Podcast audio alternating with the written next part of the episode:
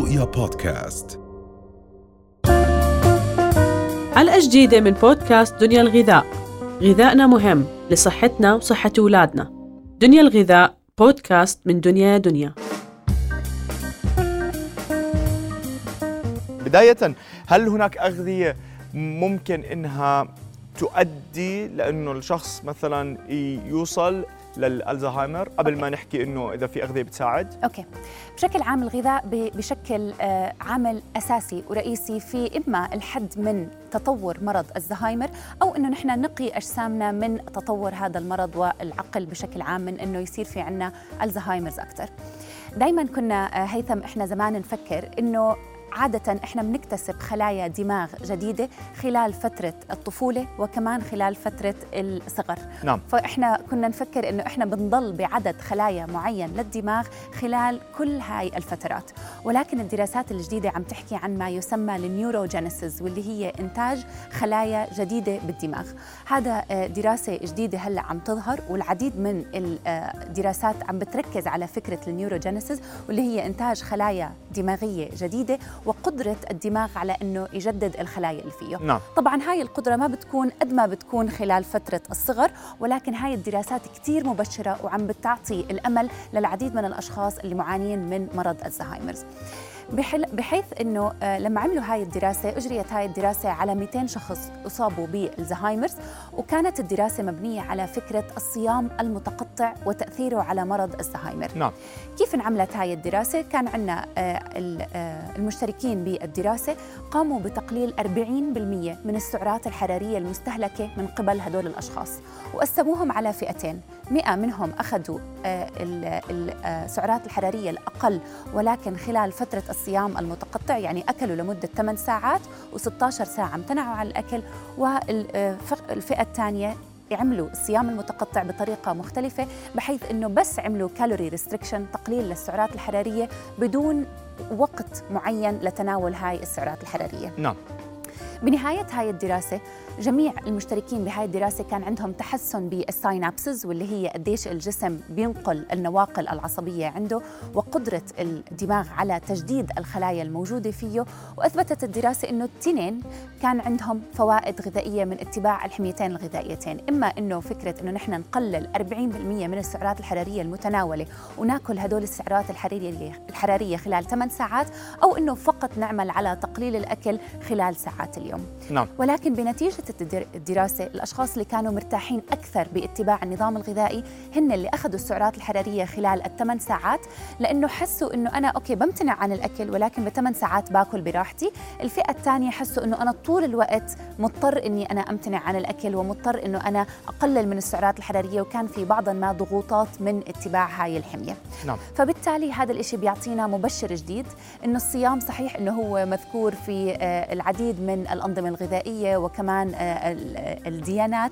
ولكن كمان هو بيساعد بفكرة أنه نحن نقدر نقلل من تطور مرض الزهايمرز عند الأشخاص وبنفس الوقت يعطينا دافع جديد أنه إحنا بنقدر أنه نحن نرجع نجدد خلايا الدماغ بطريقة أو بأخرى. نعم. آه، حين الإصابة بالزهايمر آه، رند هل هناك أغذية ممكن أنها تساعد أنه نحن نرجع؟ Okay.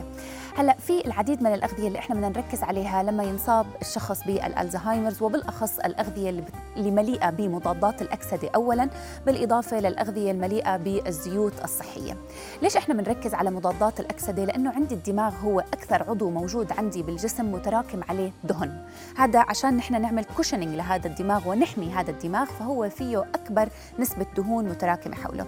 زيادة تراكم هاي الدهون على الدماغ بتؤدي إلى زيادة خطر التأكسد عندي بهاي المناطق لأنه مم. علما إنه التأكسد بصير بالمناطق الدهنية مم. فهذا الإشي بيزيد خطر التأكسد عند الأشخاص لما نحن بناخذ المضادات الأكسدة على شكل يومي إن كان من الخضروات الفواكه الحبوب البقوليات الخضار الورقية أو حتى على شكل مكملات غذائية إحنا بهاي الطريقة عم نقلل من وجود الجذور الحرة وبالأخص حول الدماغ فبالتالي بحمي خلايا الدماغ لفترة أطول هاي أول شغلة ثانيا إحنا لازم نركز على كل الأغذية اللي بتساعد على إعطاء الجسم الدهون الصحية من ضمنها الأوميجا 3 وبالأخص ما يسمى اي والدي اتش اي عبارة عن أحماض أمينية مهمة للجسم غير قادر على إنتاجها وإحنا بنحصل عليها من الأسماك الدهنية أو بنحصل عليها من المكسرات وبالأخص من المكملات الغذائية اللي بتحتوي هاي المادتين الفعالتين.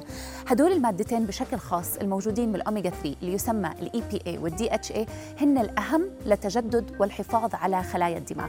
فأنا اليوم بس أروح على الصيدلية بدي أشتري مكمل غذائي من الأوميجا 3 ضروري جدا أنه أنا أقرأ اللوائح الغذائية بحيث أنه يكون فيه محتوى عالي من اي والدي اتش اي وكل ما كان محتواهم أعلى كل ما بيعود بالفائدة أكثر على الجسم.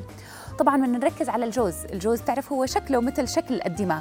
فهذا بيعني إنه هو عم بيعطيني نسب عالية جدا من مضادات الأكسدة من الاوميجا 3 من الدهون الصحية اللي بتساعد على ترميم الدماغ والحفاظ على الطبقة الحامية ما حوله. وبالتالي إنه إحنا بنحافظ على هاي الخلايا لفترة أطول. نعم. رند لأي درجة ممكن إنه نحن نحافظ على صحة الدماغ؟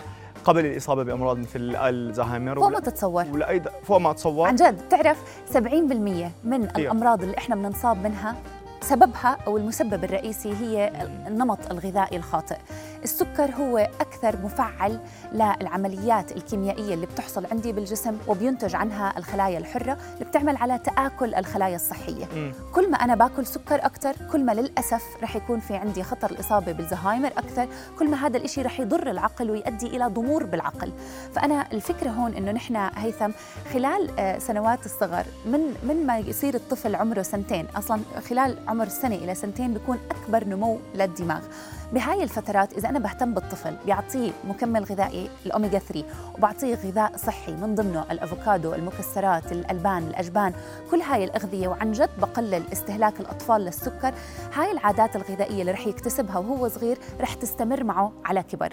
في أطفال كثير بتشوفهم بيلجأوا دائما للسكريات على عكس أطفال متعودين على الفواكه متعودين على الأسماك مرة إلى مرتين في الأسبوع متعودين على أخذ المكملات الغذائية من الاوميجا 3 فبتشوفوا هذا الشيء بيكمل بيكمل معه وبيستمر معه على نمط حياة وبالتالي هذا الشخص أكيد رح يحافظ على خلايا الدماغ لفترة أطول من الشخص اللي للأسف ما عم بيهتم بنمطه الغذائي نعم تصديقا لكلامك رند بجوز مع الوقت أنا فعليا صرت آه، أشوف وأفهم إنه من أصدق من حكى إن في موضوع التغذية إنه you are what you eat طبعا. فعليا فعليا طبعاً. هذا شيء حرفي. صح. لدرجة انه الواحد كل الانعكاسات النفسية وضع جسمه وضعه المعنوي خليني أحكي وشعوره كيف حاسس مع جسمه. النفس.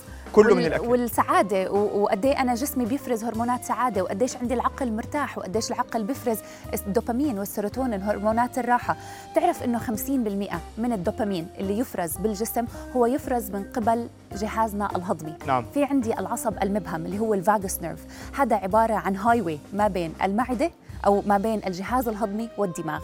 كل ما أنا باكل أغذية صحية أكثر كل ما جهازي الهضمي مرتاح أكثر كل ما البكتيريا النافعة اللي بجهازي الهضمي شغالة أحسن كل ما هذا الشيء بيعود بالفائدة على ال vagus nerve وبالتالي هذا الشيء بيرفع من هرمونات السعادة وبالأخص الدوبامين هرمون الراحة الاسترخاء وهو كمان هرمون قابلية العمل وقابلية تجدد الخلايا بالجسم وقديش ممكن الشخص يكون في عنده قدرة على التعلم ال cognitive learning تمام تمام. آه راندي ديس شكرا جزيلا لك. شكرا لك. لك شكرا على المعلومات المهمة. شكرا لك. رؤيا بودكاست.